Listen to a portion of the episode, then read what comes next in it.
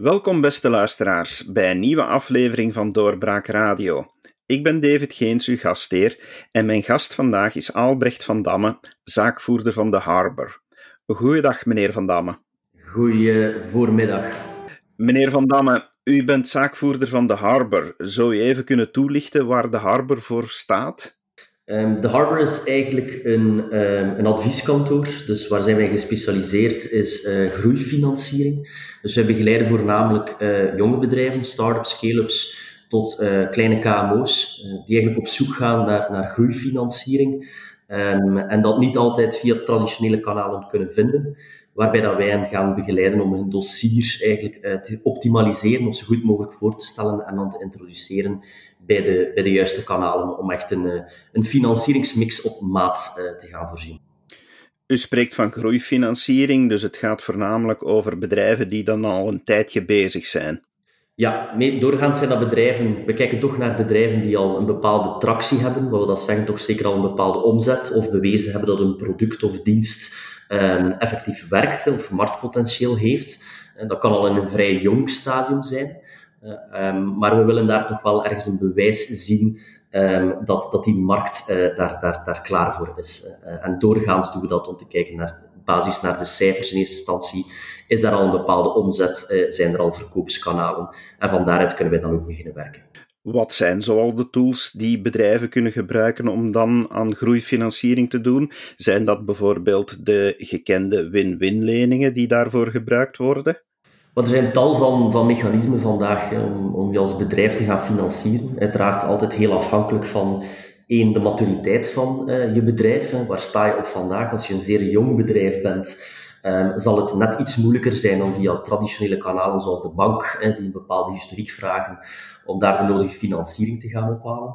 Um, en dan ga je inderdaad meer genoodzaakt zijn om naar alternatieven te gaan zoeken. En zoals dat je ze zelf benoemt, de win-win lening, zeker in Vlaanderen is daar één van. Dat is een vrij bekend instrument dat daarvoor gebruikt wordt. Um, daarnaast kan dat ook kapitaalsinvesteringen zijn, waar dan ook weer maatregelen voor zijn, zoals de, de tech shelter voor startups en scale-ups. Uh, tot en met eigenlijk subsidies uh, of andere fiscale voordelen of uh, overheidsfinanciering. hangt eigenlijk allemaal heel sterk af van, van de fase van het bedrijf waarin dat je zit en waar dat je ook voor open staat, uiteraard. Als bedrijf, als je uh, zinnens bent om, om 100% eigenaar te blijven van jouw bedrijf, heeft het niet veel zin om kapitaalsinvesteerders te gaan zoeken. Als je voor open staat om wel uh, mensen binnen te halen. Uh, soms, meestal zoeken wij dan naar mensen met, met voldoende ervaring en expertise. Uh, smart capital noemen we dat dan. En dan ga je een stukje van je aandelen eigenlijk moeten gaan afgeven, maar ga je op die manier wel kapitaal in je bedrijf kunnen. Als je dan spreekt over smart capital, wat is het smart gedeelte daar dan van? Bedoelt u dat u niet enkel kapitaal gaat binnenhalen, maar dat er ook expertise wordt binnengehaald? Ja, wij proberen heel sterk te kijken, eh, als wij een bedrijf eh, binnenkrijgen die open staat voor kapitaalsinvesteerders, gaan wij eigenlijk samen met dat bedrijf een, een dossier echt gaan opmaken, een groeidossier, om te kijken waar willen ze nu juist naartoe. En één, hoeveel geld hebben ze daar uiteraard voor nodig, dat is één zaak, maar twee, welke, welke skills of welke expertises onderbreken ze dan nog. En zeker bij jonge bedrijven gaan we daar heel regelmatig gaan kijken naar dan echte angels, mensen die meer ervaring hebben, die al ondernemer zijn geweest of nog altijd zijn, maar in een, in een veel verder stadium zitten, of die, die manager zijn bij een groot bedrijf, om eigenlijk daar te gaan kijken wat voor expertise kunnen die mensen gaan, uh, gaan aanbrengen. Het kan heel divers zijn. Dat kan een, een zeer eh, IT-gerelateerd jong bedrijfje zijn, die bijvoorbeeld een, een SaaS-product naar de markt wil brengen, maar heel weinig kent van marketing en sales. Daar kan het voor het relevant zijn om naar een smart investeerder te zoeken die binnen die sector wel die ervaring heeft. Dus daar proberen wij enorm naar, uh, naar te kijken. We hebben nu net een grote economische crisis die aan de gang is. Ondervindt u dat ook in die markt? Zijn bedrijven nu meer op zoek naar financiering dan voordien? Ja, absoluut. Hè. Um, ik denk zeker bij, bij de jonge en bij de kleinere bedrijven, waar dat er doorgaans ook al minder cashbuffers beschikbaar zijn. We zijn enorm afhankelijk van die maandelijkse omzetten. En wat je dan ziet gebeuren in een crisis, is dat bij heel wat bedrijven die, die omzet eigenlijk gaat gaan wegvallen, of toch sterk gaat gaan dalen. Um, waardoor dat die groeiplannen eh, ook iets moeilijker worden om dat te, die te realiseren, dat er heel snel eigenlijk een noodzaak is aan, uh, aan financiering. Uh, daarbij dan nog eens kijken, ja, vandaag is het een crisis, waarbij dat de traditionele kanalen nog net iets moeilijker omgaan met dat verhaal en nog net iets risicoaverser zijn geworden. Uh, dus zeker dan voor jonge bedrijven, die gaan dan echt moeten gaan zoeken naar alternatieve financieringskanalen, om toch die, die cash, die hard cash die ze nodig hebben op vandaag, om die te kunnen, uh, die te kunnen binnenhalen. Maar ik hoor je daar zeggen van ja, de klassieke financieringskanalen die worden moeilijker, terwijl net uh, onze overheid en zeker minister De Croo zich op de borst klopt en zegt dat er allerlei akkoorden zijn om uh, in samenwerking met de overheid toch voldoende cash ter beschikking te stellen. Maar moeten we dat dan toch in vraag stellen? Is het dan, is het dan zo dat het toch veel moeilijker is om via banken financiering vast te krijgen? Maar ik ik moet wel zeggen dat er, er zijn mooie initiatieven genomen vanuit, uh, vanuit Alexander de Croo. Uh, ik denk dat de, uh, de bankgarantie um, daar zeker bij, bij zal helpen. Er zijn ook wat bijkomende instrumenten gecreëerd. Niettemin zie je wel, natuurlijk vandaag, een bank blijft een bank.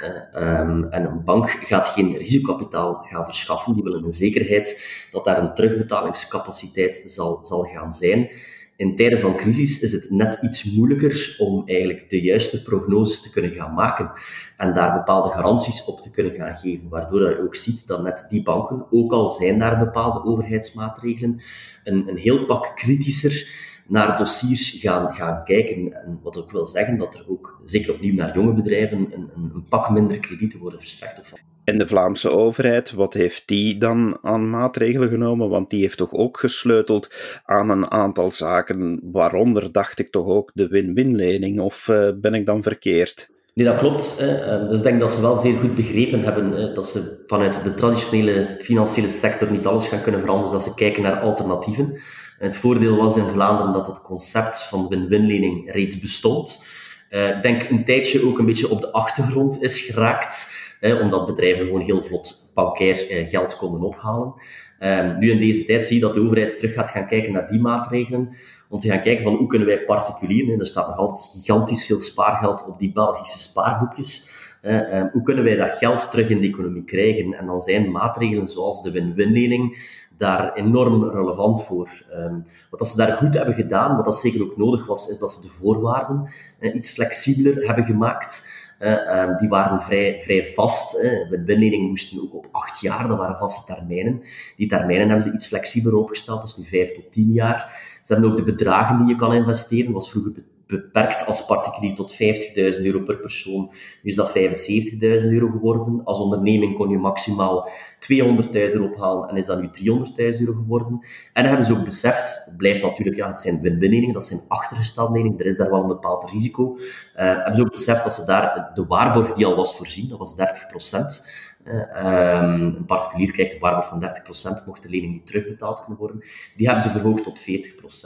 Eén, punt misschien van kritiek, hè, als je daar kritiek op kan en mag hebben, um, is wat jammer is, is dat, dat de rentevoeten niet gewijzigd zijn. Uiteindelijk zie je daar nog altijd een, minimale interest of maximale interestvoet uh, liever van, van 1,75%. Ik denk in deze tijden mensen, particulieren die bereid zijn om aan jonge, risicovolle bedrijven achtergestelde leningen te gaan verschaffen, dat je daar toch wel de ruimte zou moeten kunnen laten om daar een hogere vergoeding te uh, creëren. Dus ik hoop dat in de komende maanden uh, dat we dat nog gaan, gaan zien veranderen. Uh, ik denk dat er daar nog wel ruimte is aan verandering, want de, de aanpassingen waar ik nu over spreek zijn nog geen wetgevingen. Daar wachten we dan nog een beetje op onze Vlaamse wetgever, om ervoor te zorgen dat al die aanpassingen die vandaag eh, op het nieuws eh, worden eh, verkondigd, dat die ook effectief toepasbaar zijn. Want vandaag is dat dus nog niet. Die win-win leningen, zijn die voor ieder bedrijf beschikbaar? Of hoe moet men daaraan beginnen?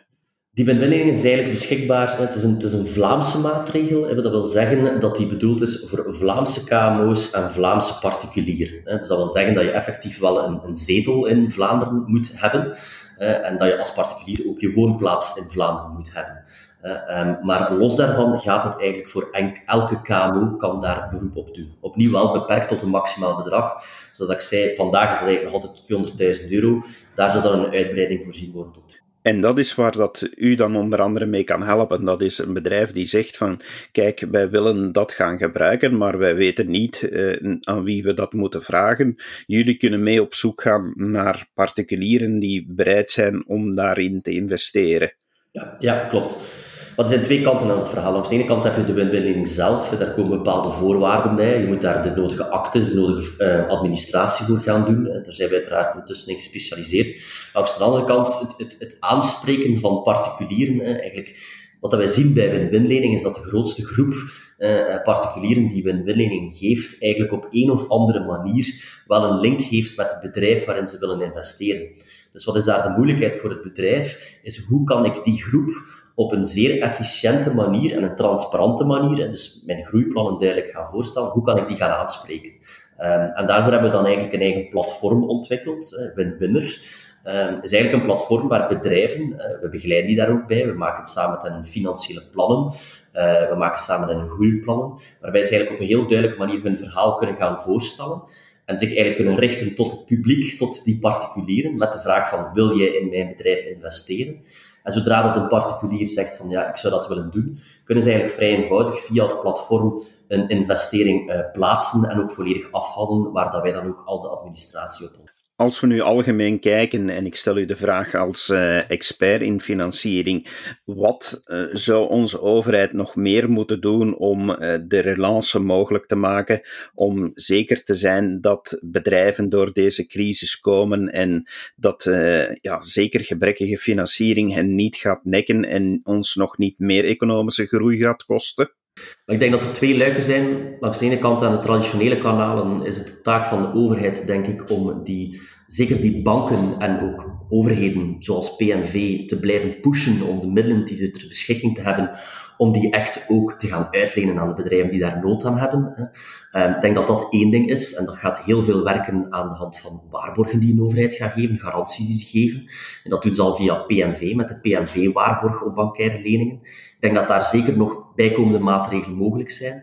Um, langs de andere kant um, denk ik dat we zeer sterk gaan moeten gaan focussen op het uh, aantrekkelijk maken voor investeerders, zowel particulieren als professionele investeerders, om net te gaan investeren in die Belgische bedrijven die het vandaag nodig hebben.